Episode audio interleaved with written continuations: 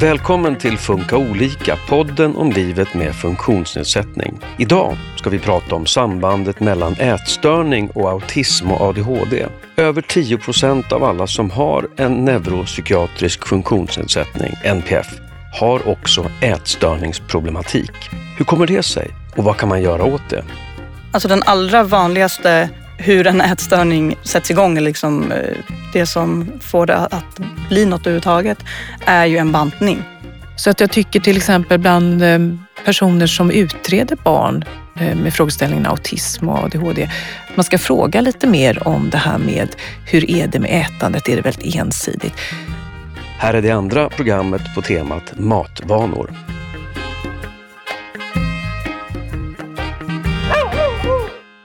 Hej Elina Johansson. Hej! Eh, du är socionom och verksamhetsledare på Attention Stockholm. Jajamensan, det stämmer. Och eh, du har själv också haft en ätstörning som du är frisk från sedan ett antal år.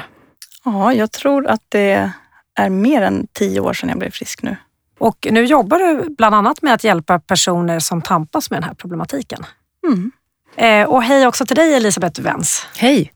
Du är professor vid Salgrenska akademin och specialistläkare i barn och ungdomspsykiatri och vuxenpsykiatri. Ja, det stämmer. Och du har ju forskat mycket kring eh, det här med ätstörningsproblematik och neuropsykiatriska funktionsnedsättningar. Och jag får känslan att du är lite av en pionjär inom området. Ja, jag och mina forskarkollegor eh, vill jag också tillägga i så fall. Och jag själv heter Susanne Smedberg. Jag tänkte börja med dig Elisabeth. När vi pratar om sambandet mellan ätstörning och neuropsykiatriska funktionsnedsättningar, vilka diagnoser är det vi menar då? Först och främst kanske man tänker på eh, anorexia nervosa, bulimi och hetsätningsstörning. Eh, sen finns det också något som heter undvikande restriktiv ätstörning, en ganska ny ätstörning. Kanske ska man också nämna fetma det handlar inte enbart om en ätstörning, men det är ändå någonting som kommer upp ofta i de här sammanhangen. Och vilka diagnoser är det man eh, menar inom NPF? Ja, här ska vi ju främst prata om autism och ADHD, men man kan ju också nämna till exempel Tourettes syndrom eh, och andra ticssjukdomar och även intellektuell funktionsnedsättning. Hur vanligt är det med ätstörning i den här gruppen? Det är väldigt svårt att svara på för det är ganska dåligt undersökt. Vi har gjort en undersökning på vuxna, över 200 personer som kom för utredning i Göteborg. Och då visade det sig att det var ungefär 8 procent av dem. De hade antingen diagnosen autism eller ADHD eller så hade de både och. Och då låg det runt 8 procent. Vi hade nog trott att det skulle vara en högre siffra. Så den här siffran 10 procent som nämndes i, i introt, den är lite högre än vad, hur det ser ut egentligen? Äh, du nämnde ju ätstörningsproblematik och det är ju inte en diagnos då, utan då är det ju säkert mycket högre siffror. Det kan ju vara till exempel att pratar man om något som kallas för selektivt ätande. Ibland har man sett artiklar där man pratar om att 50 procent av barn med autism har det till exempel. Ser eh, ätstörningsproblematiken olika ut beroende på vilken diagnos inom NPF-begreppet eller vad man ska säga man har? Ja, men det skulle jag nog säga. ADHD, där ser man ju ofta att man har den här impulsiviteten som då också märks kanske i ätstörningen. Men kliniskt ser jag både att personer med ADHD har anorexia, bulimi och hetsättningsstörning, men jag skulle säga att det är troligtvis vanligare med både bulimi och hetsättningsstörning då vid ADHD. Vid autism så skulle jag säga att eh, man vet att det finns överrepresenterat med både de som är väldigt underviktiga och de som är väldigt överviktiga. Så det kanske är vanligare då med anorexi vid autism, men också fetma. Elina, hur är din bild av det här? På vilket sätt då autism eller ADHD-autism skulle påverka relationen till eh, mat? Ja, alltså det finns ju ganska mycket, alltså många aspekter ur, eh, ja, som, som finns om man har en ätstörning eller som är mer kopplat till ätande som kan vara svårt även om man inte har en ätstörning om man har NPF. Många har ju svårt med att så blanda mat eller olika typer av konsistenser. Att man, ja, att man kanske är lite petig med det. Och det är obehagligt med vissa typer av mat, även om man inte har en ätstörning. Eh, men att det kan göra att det är läskigt och kanske ja, blir bortbjuden på mat och så för att man vet inte vad man kommer få eller om det är blandat på tallriken och sådär. Men också själva måltidssituationerna. Jag tänker om man går i skolan, ganska rörigt. Oavsett vilken NPF-diagnos man har så kan det vara svårt. Ehm, det här med ätande är ofta en social grej. Ehm, så att det är utmanande överlag med ätande. så.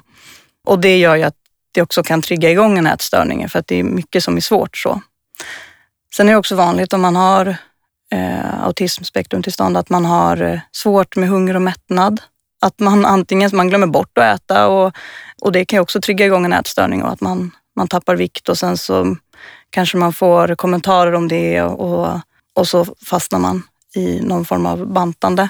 Men, men också att man kan ha svårt att sluta äta för man känner inte när man är mätt så utan man äter tills man inte kan, kan få i sig mer. Tills det är fullt liksom. När blir det då ett problem? Vänder jag mig till er båda här. Ja, om man ska få diagnosen ätstörning så ska ju det påverka ens liv ganska eh, mycket då. Va? Det är en funktionsnedsättning skulle man kunna säga. Och är det så att man eh, tappar väldigt mycket vikt, alltså att man blir underviktig, så, så är det allvarligt i sig. Alltså att du kan ju dö om du har anorexia nervosa. Så det är när man blir sjuk egentligen? Eller när man får påtagliga fysiska problem? Ja, eller att det, det påverkar din vardag väldigt mycket. Vid bulimi så det är oftast inte man söker för det. Man, man döljer det för sin omgivning. Men det påverkar en väldigt mycket ändå. Alltså. Det tar väldigt mycket av ens tid. Man tänker på det hela tiden. Man förstör sin ekonomi. Något som, som skiljer att vara så här petig i maten eh, och aha, att man har lite svårt för, för det med Alltså det som skiljer det med, mot, en, mot en ätstörning är ju ofta att man har en eh, skev kroppsuppfattning eh, eller någon form av eh, viktfobi. Och det finns ju inte om man eh, har problem kanske med selektivt ätande. Eh, så. Eh, sen är det ju av, av de som har eh, en ätstörning så är, är de allra flesta normal eller överviktiga undervikt och komplikationer som hänger ihop med undervikt är ju det är jätteallvarligt, men det är inte det vanligaste symptomet på nätstörning, utan kanske snarare att man, eh, alltså sociala konsekvenser, att man, man isolerar sig, man kanske, eh, man, kanske man, man orkar inte, man får eh, andra svårigheter så här, som depression, eh, jättemycket ångest. Det skulle jag säga är nästan det mest centrala, att man har väldigt mycket ångest och väldigt ångeststyrd. Är det här eh, samma problematik eh, för personer som har NPF-diagnos och inte så att säga? Ja, när man, eh, när man är sjuk så ser det nog ganska mycket likadant ut. Man kan också se personer som hamnar i svält oavsett om man är underviktig eller har anorexi eller inte. Men när man är i svälttillstånd så får de flesta människor autistiska symptom. Alltså man blir ganska fyrkantig och så här, tänker så här, tvångsmässig och vill att det ska vara lika. Alltså, ja, det kan se ut lite som autism. Det som kan vara för personer med NPF är ju att man vid en ätstörning faktiskt kan, ja, beroende på var i, i sjukdomen och hur långt det har gått och så, men man kan ju börja fungera bättre. Alltså att det blir som någon form av självmedicinering. Till exempel eh, en person med ADHD som hetsäter kan göra det för att få upp sitt dopamin för att kunna fokusera. Eh, och då funkar man ju, alltså på kort sikt så är ju det ett sätt att, eh, att funka bättre. så. I början så nämnde vi lite olika begrepp här. Vi pratade om selektiv ätstörning och restriktivt ätande och du Elina nämnde det också. Eh, vad innebär det egentligen? Alltså, idag så har man nog bestämt sig för att allting ska finnas under ett större paraplybegrepp och det är det som kallas för undvikande restriktiv ätstörning. Men selektivt ätande passar kanske bättre in på autismgruppen. Och vad man, innan man hade den här nya diagnosen undvikande restriktiv ätstörning så hade man satt upp förslag på vad som skulle utmärka, vad selektivt ätande utmärktes av då. Och det är att man då fram till sju års, eller efter sju års ålder äter väldigt begränsat, begränsat antal olika maträtter eller födoämnen. Att man gör det innan sju års ålder, det, det brukar man inte se så allvarligt som att det sen fortsätter efter sju års ålder. Och att man dessutom är rädd för att prova nya maträtter. Matneofobi kallar man det för. Sen Arfid, förkortningen, den dyker också upp ibland. Vad betyder det? Ja, det är den här undvikande restriktiv ätstörning, men det är bara en akronym för det engelska Avoidant Restrictive Food Intake Disorder. Eh, sen så finns det något som heter PIKA också. Det är inte så vanligt har jag förstått, men jag tänker vi kan ändå nämna det. Eh, vad, vad är det för någonting? Ja, det är att man eh, äter sånt som andra i princip bedömer vara oätligt. Alltså det kan vara jord eller murbruk eller målarfärg. Och det ser man framför allt hos personer med autism och samtidigt intellektuell funktionsnedsättning. Eh, bland personer med autism och normalbegåvning, då har vi tittat på det i någon undersökning och det var inte vanligt alls. Men jag tycker ändå, precis som du gör här, att man ska lyfta det för att vi kanske glömmer bort att fråga om det annars. Är det framförallt det som man kan säga att eh, personer med NPF-diagnos har? Eller pratar vi om alla ätstörningar? Vi har ju eh, nämnt alla ätstörningar, men kan man liksom ringa in det lite sådär att selektiv ätstörning är den vanligaste ätstörningsproblematiken för personer med NPF? Eller är det att förenkla det hela? Ja, jag tror nog att det är att förenkla det hela. Ja, jag, alltså jag tänker att, att eh, det kan vara så att många med autismproblematik har, eh, alltså äter selektivt utan att ha alltså en selektiv ätstörningsdiagnos. Men jag tänker att att äta selektivt kan ju absolut vara en, en trigger eller en, eh, något som startar en annan ätstörning. För att man blir så begränsad i vad man äter och man tappar vikt och man, att det kan också leda till att man, att man svälter sig själv. så. Eh, vi pratade ju nyss här om att eh, man har satt gränsen till sju, år, sju års ålder, men vid vilken ålder brukar det börja?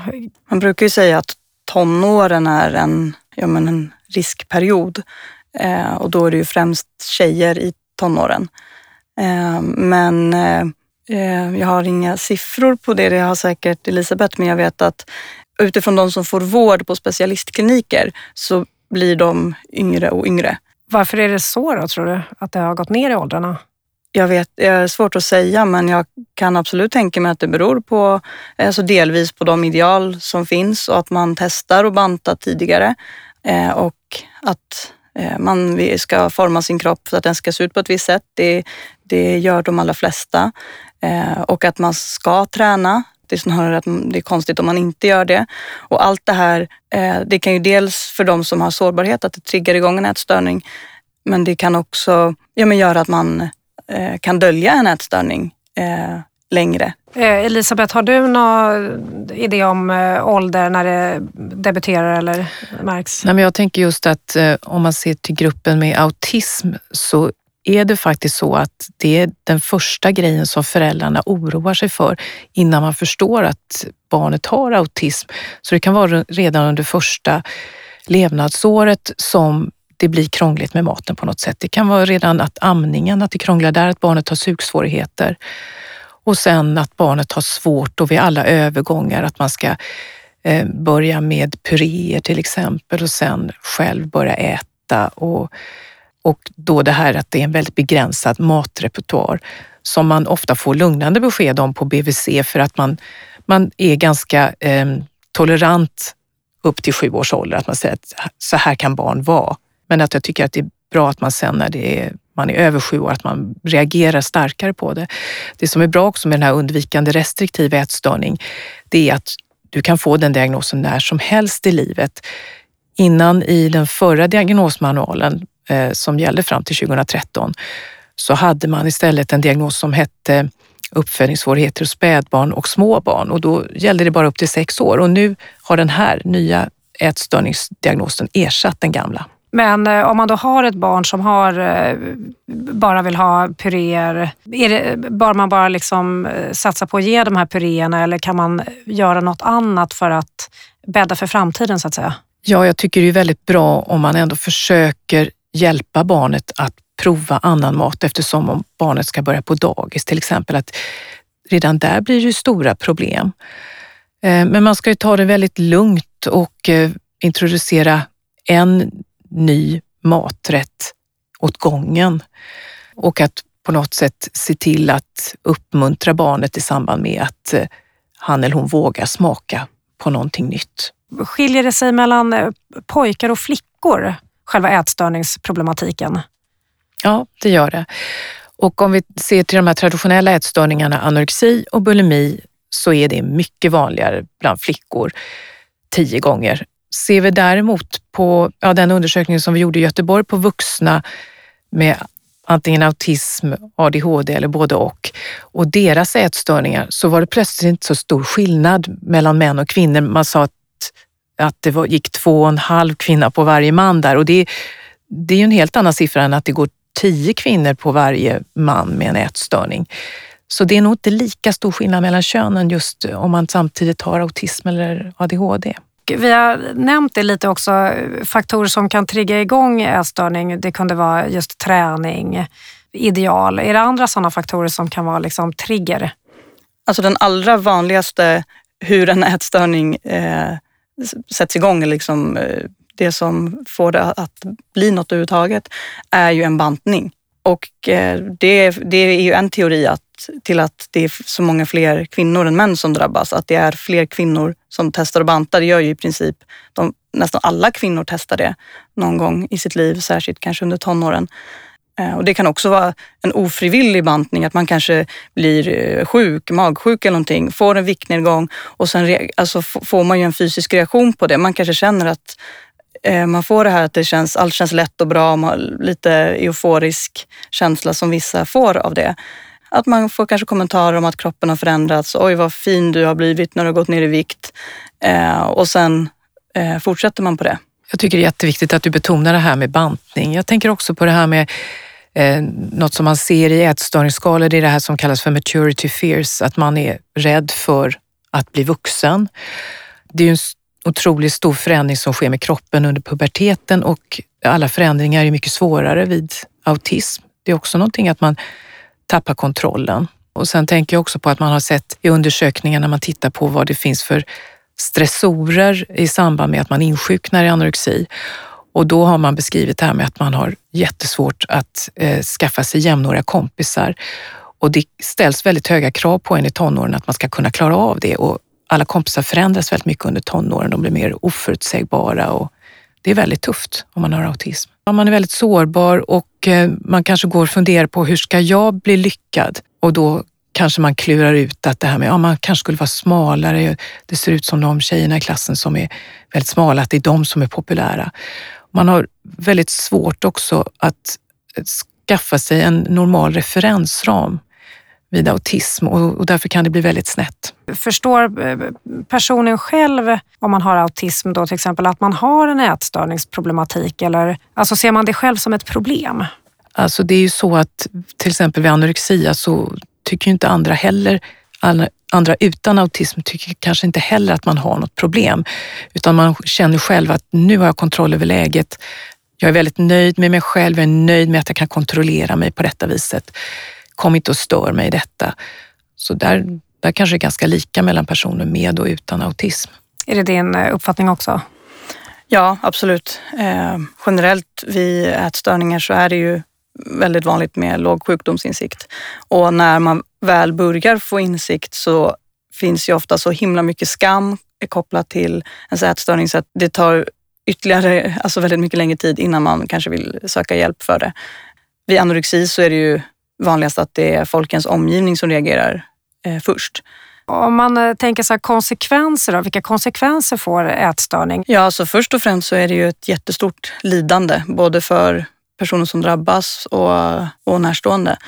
Men det får ju konsekvenser på hela so hennes sociala liv. Oavsett ätstörning så innebär det ju i, i, princip, i princip alltid att man isolerar sig. Eh, och jag tänker då också om så här, tonåren, om man har eh, autism och det är svårt med relationer och sen funkar det inte med maten så man börjar isolera sig. Det, det blir ju förödande för, för lång tid framöver men också rent så här, utbildningsmässigt, ekonomiskt, man kan, om man inte kan jobba. Om man eh, hetsäter mycket så det kostar mycket pengar att hetsäta. Mm. Så det är stora mängder mat. Eller om man inte klarar av skolan, man kanske inte eh, kan fokusera eh, och inte får godkänt och så hamnar man efter där i ett tidigt skede? Finns det några signaler som omgivningen kan vara lite vaksamma på? Det är ju jättesvårt eh, eftersom på de allra flesta mätstörning så syns det inte. Alltså rent fysiskt. Man tänker ju, ofta när man tänker på en ätstörning så tänker man ju på anorexi, vilket är den ja, mest ovanliga ätstörnings, eh, ätstörningen. Men det man kan vara vaksam på är förändringar i beteendet, alltså, eller förändringar i, i hur personen verkar må. Eh, och det kan ju vara en sån grej att man isolerar sig, inte följer med eh, när man ska gå ut och äta på restaurang. Att man kanske går iväg efter måltider för att göra sig av med mat eller om man får ångest. Så. Eh, och sen kan, man ju, kan det ju synas på själva ätbeteendet också, att man väljer, man kanske börjar på någon diet eller utesluter en viss typ av mat. Vad säger du Elisabeth? Nej, men jag tänkte också nämna de här äh, som kommer som barn för utredning av autism.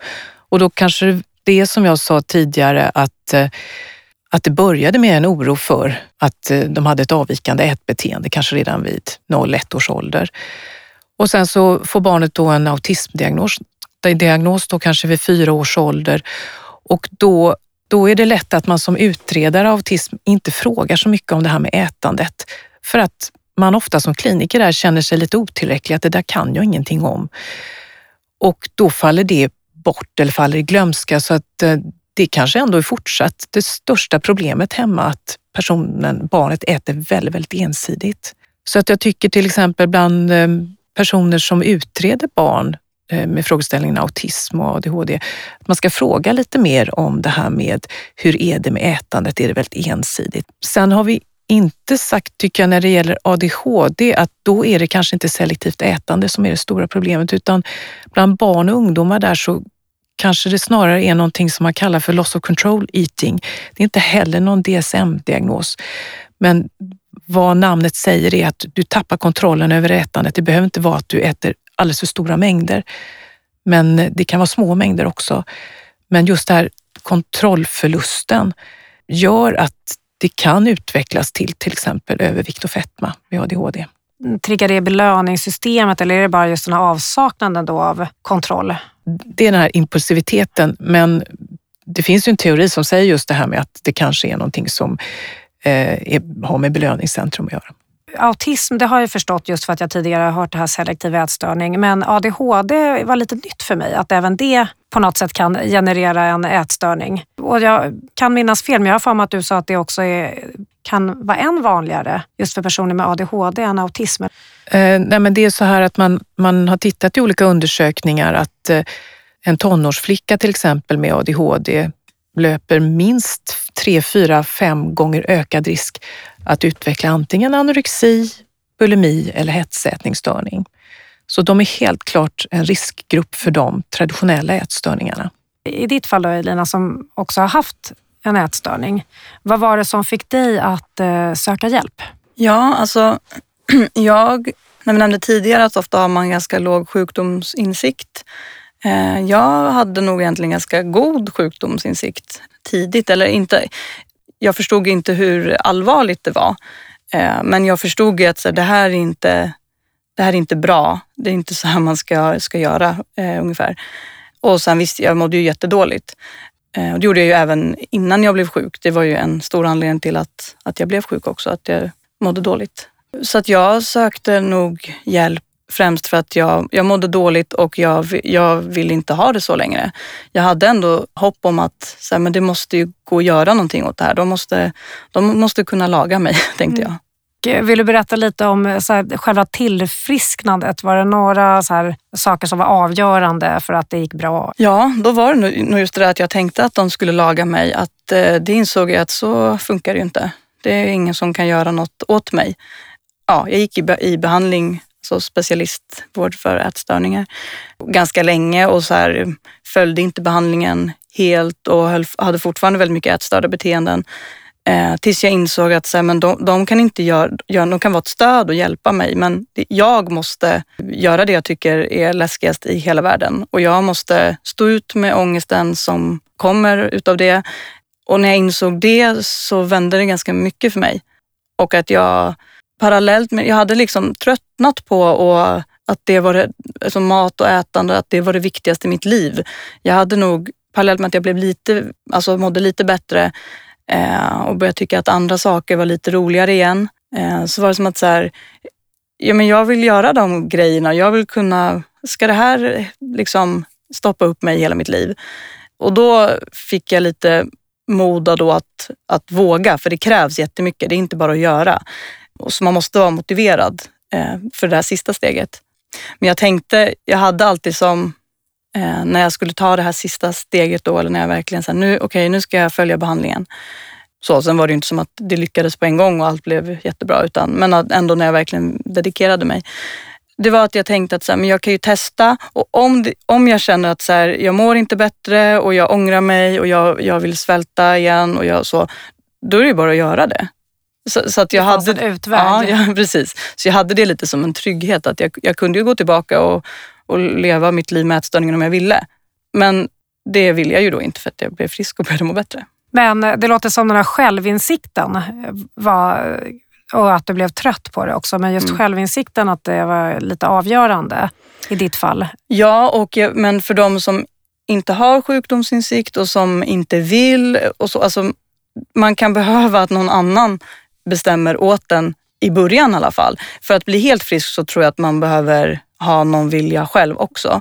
Men just, alltså är man väldigt sjuk och inte har någon insikt, så, alltså hjärnan fungerar så dåligt så att man, man, man kan liksom inte förstå då. Funkar det? Alltså just så här, vad kan omgivningen göra? Det här låter det lite som att man ändå som omgivning, man kan ändå liksom hjälpa till med skjuts inte in eh, till tillfrisknande. Alltså om, jag tänker att man, eh, om man är närstående till någon som är sjuk, att man inte ska tvinga någon till att äta i ett första steg för att det leder ofta bara till konflikter och att personen eh, döljer det. Med, alltså det brukar inte vara så framgångsrikt. Bara att det blir ännu mer jobbigt med allt med måltider. Men eh, man kan, alltså handlar det om någon som, som inte är vuxen eh, så kan man ju fortfarande bli tvungen att eh, gå till någon form av eh, vård. Så. Eh, och att där kanske liksom, tvånget får komma ifrån, eller man ska säga de som får se till att det börjar funka. Och är det riktigt allvarligt, då, då handlar det om att rädda liv. Det är, eh, ätstörning är en allvarlig sjukdom, en dödlig sjukdom. Jag tror att Elisabeth får rätta om jag har fel, men eh, anorexi har i alla fall tidigare klassats som den psykiska sjukdom med högst dödlighet. Var sker då behandling mot ätstörning? Befinner man sig i en större stad så finns det specialenheter, alltså ätstörningskliniker. Och då ska man absolut eh, få hjälp där. Eh, på mindre orter så är det en allmänpsykiatrisk klinik eh, eh eller BUP-klinik som, som hjälper till. Sen är det så att eh, har du anorexia, ja då måste du finnas inom psykiatrin, men däremot så har du då samtidigt autism så behöver du stöttning från personer som kan det området och då kan det vara till exempel från habiliteringen, specialpedagog, logoped som kanske kan vara till stor hjälp. Eh, skolan då, hur ser det ut eh, där? Vad får man för stöd från skolan? Ja, skolan är en jätteviktig instans, eh, tänker jag primärt för att fånga upp personer i riskzon för att utveckla en ätstörning skolan var nog där jag sökte hjälp först. Eh, jag tror att jag gick till, det var vid någon kontroll med skolsköterskan som jag sa någonting eller om jag pratade med kuratorn. Och det finns väl kanske inte, alltså man, när man har man en ätstörning så behöver man eh, vård eh, från eh, alltså, personer som är specialister på det området eller som kan det. Eh, och då är ju inte skolans resurser tillräckliga. Men jag tänker att de kan hänvisa vidare eh, och de kan också vara ett komplement till den vården, att de samarbetar med, om man går en behandling. Kanske att man kan, få, att man kan gå undan och äta eller att någon hjälper till i måltidssituationerna. Eller att man har vissa samtal med ja, till exempel kuratorn i skolan. Eh, så, så att de är jätteviktiga. Elisabeth, du har ju varit eh, med och tagit fram ett formulär, Svea. Ja. Vill du berätta lite om det formuläret? Ja, och det var just det att vi, när man tittar i litteraturen så insåg vi att det fanns inget formulär som tittade på autistiska ätbeteenden hos personer som samtidigt har en normalbegåvning. Det finns en del formulär som är för personer med intellektuell funktionsnedsättning.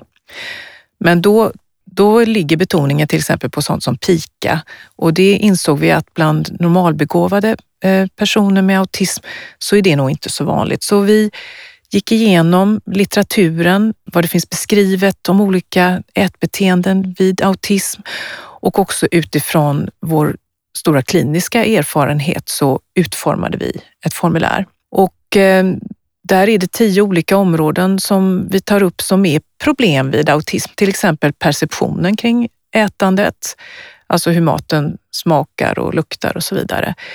Vi tog också upp sånt som måltidssituationen och måltidsmiljön. Att man kanske inte klarar av att eh, äta på restaurang, på café eller utomlands. Att man vill alltid sitta på samma stol kring bordet. Att ehm, glas, tallrik ska stå på exakt samma ställe varje gång. Och sen så tar formuläret också upp sånt där som är typiskt för selektivt ätande, att man bara äter mat av ett visst märke eller en viss färg eller viss konsistens. Och sen någonting som visade sig vara viktigt i det formuläret, det var simultankapacitet. Gång på gång hör vi nu när vi eh, använder formuläret eller när man pratar med patient kliniskt att de kan inte göra två saker samtidigt i samband med måltid. Om du skär maten kan du inte klara av samtidigt att tugga maten. Helst vill du sitta vid ett eget bord för annars så krävs det att man kanske konverserar under måltiden. Det klarar man inte av. Utan en sak åt gången, även då när det gäller att äta. Jag tänker att det här kräver oerhörd förståelse och eh, tolerans av eh, närstående och annan omgivning. Alltså om man har de här behoven, att eh, äta i fred, eh, att man bara liksom låter personen få ha det så kring måltiden. Jag tänker att det ställer jättehöga krav på behandlingspersonal om man eh, har en ätstörning och de här svårigheterna också. Den här typen av beteenden som du Elisabeth nyss eh, radade upp, det för personer som inte har NPF och inte har haft så hela livet eh, så är det liksom vanliga symptom på ätstörning. Att, så här, att man eh, måste skära på ett visst sätt, att det kan vara liksom en, en del av ätstörning, att man måste eh, ja, men tvångsmässigt äta, eller det måste stå på ett visst sätt, eller jag kan bara äta det märket för det känns tryggt.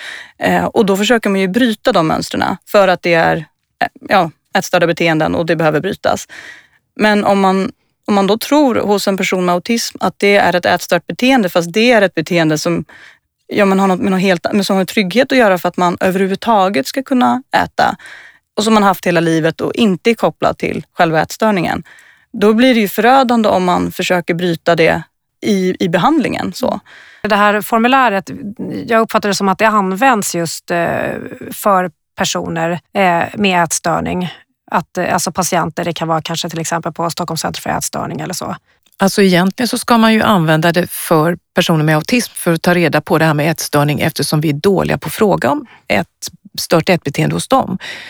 Men nu är det så att vi har forskat på och också tittat på en anorexienhet, hur det ser ut med autistiskt ätbeteende där. Och det var ju då lika vanligt att de hade sådana ätbeteenden som en grupp flickor med autism och mycket vanligare än i normalbefolkningen. Eh, och det, det, är även så att nu används det här formuläret internationellt i olika studier och även kliniskt för att man vill förstå sig på att det är massa saker man inte har frågat om innan när det gäller personer med anorexi, om de har sådana här ätbeteenden. Det behöver inte betyda att jaha, då har de autism om de har de här autistiska ätbeteendena.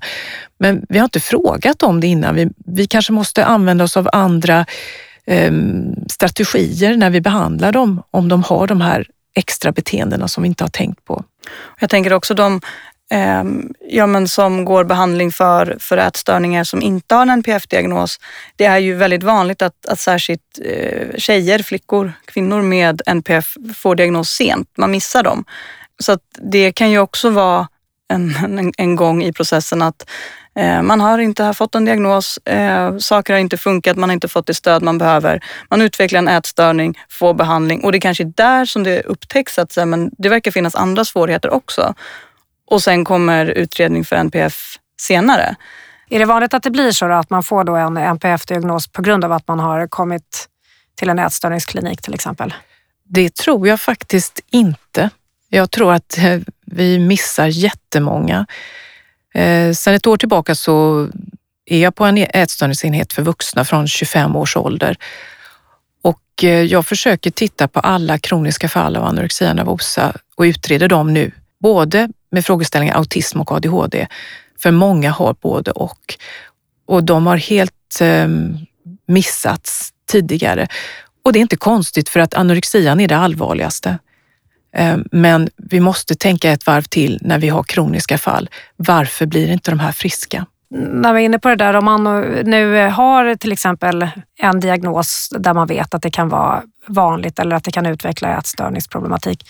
Vad kan man göra själv som individ för att hantera sitt ätande? Finns det något man kan göra? Schemaläggning? Eh, jag vet inte riktigt. Om man nu ja, inte känner att man om det är så fysiska saker, att man inte har hunger och mättnad, då går det ju att, eh, ja, men, att man kan få olika hjälpmedel eller att man ser till att så det som för andra sker automatiskt och så gör det inte det hos mig, då behöver man ju eh, skapa rutiner kring det eller få hjälp för det. Men jag tänker annars när det, ofta så kan det handla om att man ja, att man har svårt att, att reglera sina känslor och att, det, ja, att man mår allmänt, har mycket ångest och de typerna av svårigheter. Och att kontrollera maten eller att svälta eller hetsäta, att det blir ett sätt att, eh, alltså en strategi för känsloreglering. Där är det ju svårare. För vid ätstörningar så det hänger eh, väldigt ofta ihop med, med låg självkänsla och att man, eh, eh, man straffar sig själv. Man tycker inte att man är värd att må bättre. Så man kan ju med flit äta, det gjorde jag många, ofta, åt mat som jag tyckte var äcklig med flit. Eh, alltså jag, jag tillät mig inte att äta goda saker. Dels för att jag ville ha kontroll, inte tappa kontrollen när jag väl åt. Men också för att jag tyckte inte jag var värd att äta något gott. Eh, och har man en god självkänsla skulle man aldrig tänka så. Har man NPF så Alltså, man har ju ofta haft andra svårigheter. Det kanske inte funkar med kompisar mm. och man har alltså, en rad av misslyckanden bakom sig. Eh, så tyvärr är det ju många som tvivlar på sig själv och inte tycker att man är värd lika mycket som andra eller eh, att man är en dålig person. Ja, det ökar ju risken då. Så jag tänker att, att få, få ägna sig åt saker där man lyckas och känna att man är en person som kan saker, eh, att man har intressen som är viktiga för en och gör gott i livet. Det är ju jätteviktigt. Eh, och som förälder eller annan närstående, vad kan, man, eh, vad kan man själv göra för att hjälpa sitt barn till exempel? Jag tycker först och främst även vad man ska göra själv, det är att man ska söka hjälp. Man ska inte lösa det här själv och gå in på internet och försöka hitta olika eh, lösningar, utan man kan inte klara detta själv. Man ska inte utgå ifrån det och det är alldeles för allvarliga sjukdomar. Och går man och bär på detta länge, desto större risk är det att det blir kroniskt. Och när det gäller föräldrar så tycker jag till exempel att har man ställt diagnosen autism på ett barn så, så ska eh, de som har utrett barnet eh, nämna det här med att eh, här löper barnet en ökad risk att eh, också få problem med maten, kanske redan har problem med maten, men att man ska vara medveten om det så att eh, föräldrarna också har extra koll på det. Och jag tänker vid ADHD att man också försöker ha lite inblick i hur det ser ut med måltider och sånt hemma, om det är så att man faktiskt äter maten tillsammans, om det är någon ordning på mathållningen. Eh, föräldrarna kanske också har ADHD-problematik. Jag tänker något annat som man som eh, närstående eller så eh, kan tänka på när det gäller att förebygga, det är ju hur man själv förhåller sig till, till sin kropp och till ätande och hur man pratar om det. Eh, att man kanske inte själv ska banta till exempel. Eller eh, prata nedsättande om ja, både sin egen kropp och andras kroppar. Eller ja, med att man pratar om kroppen som att det är, det är ett verktyg som vi behöver använda oss av i vardagen och kanske inte så mycket om hur den ser ut. Och, och likadant med ätande, så ja, men försöka få bort det här pratet om att förtjäna mat. Att så här, ja nu har jag tränat det här, ja nu kan jag ta en bulle eller nu kanske jag inte ska göra det för att jag har ju inte. Alltså undvika sånt för det, det påverkar väldigt mycket mer än man tror. Du sa ju när vi pratade i telefon Elina att eh, nu när du har blivit liksom frisk från en ätstörning, att du eh, kände dig ibland, alltså att du hade mycket så sundare inställning till mat än nästan alla andra runt omkring dig. Ja, ja jag, eh, jag tänker att så här, vi lever i ett ätstört samhälle. Även om man inte eh, har en, alltså en ätstörning är en allvarlig sjukdom så. Eh, och de flesta har ju inte en ätstörning. Eh, men de flesta skulle jag säga har liksom vissa ätstörda beteenden eller åtminstone ett problematiskt förhållningssätt till sin kropp, mat, ätande, träning. Så tänker vi ska börja avrunda lite och vi har varit inne på eh, lite forskning och kunskap inom området. Märker man någon skillnad då, om man har, eller medvetenheten kring NPF-diagnos och ätstörning? Jo, men det har hänt saker där att eh, eh kliniker eh, generellt har bättre koll på det här nu med framförallt att vid anorexi så kan det också finnas autism. Um, och, och sen också att till exempel vid bulimi att man kan ha samtidigt ADHD och det är väldigt viktigt för då kanske man ska behandla ehm, med centralstimulanser och det kan hända att vi blir av med ätstörningen samtidigt. Uh, så att uh, ja, jag tycker att det finns en ökad medvetenhet ute på klinikerna. Jag ska samtidigt säga att en del väldigt framstående internationella forskare när det gäller behandlingsforskning säger att de aldrig har sett något fall med anorexi och samtidig autism. Så att det finns också sådana som inte alls vill ha på de här glasögonen. Eh, och om man då själv har den här problematiken eller man, någon i ens omgivning har det, vad, vad ska man vända sig då för att få hjälp? Ja, det är då ätstörningsenheter som är det bästa. Och att sen kanske ätstörningsenheten Eh, i sin tur får kanske konsultera en specialpedagog eller en logoped. Jag tänker att de som lyssnar på det här programmet eh, finns lite här och var i Sverige. Eh, så jag skulle vilja tipsa om att eh, eh Riksföreningen eh, mot ätstörningar, Frisk och Fri, har en hemsida, eh, friskfri.se och där har de listat, man kan klicka Eh, på att man ska söka vård och sen så har de listat eh, ja, i princip över hela Sverige eh, var man vänder sig. Jag skulle bara vilja lägga till också att om man har en ätstörning och eller även om man, om man är närstående till någon som har en ätstörning, att det, det går att bli helt frisk och fri. Det finns ju en uppfattning om att man när man har haft en ätstörning att man resten av sitt liv kommer vara påverkad av det.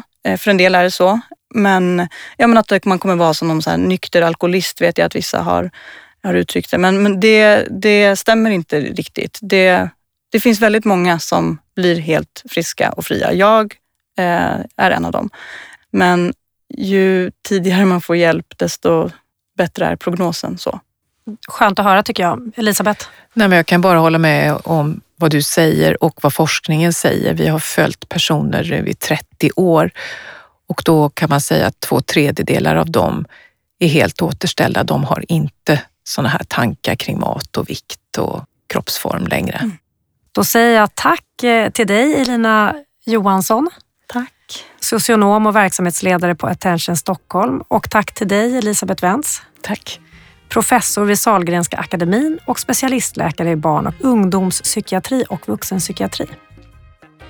Du har lyssnat på Funka olika, en podd från Habilitering och hälsa i Stockholms läns landsting.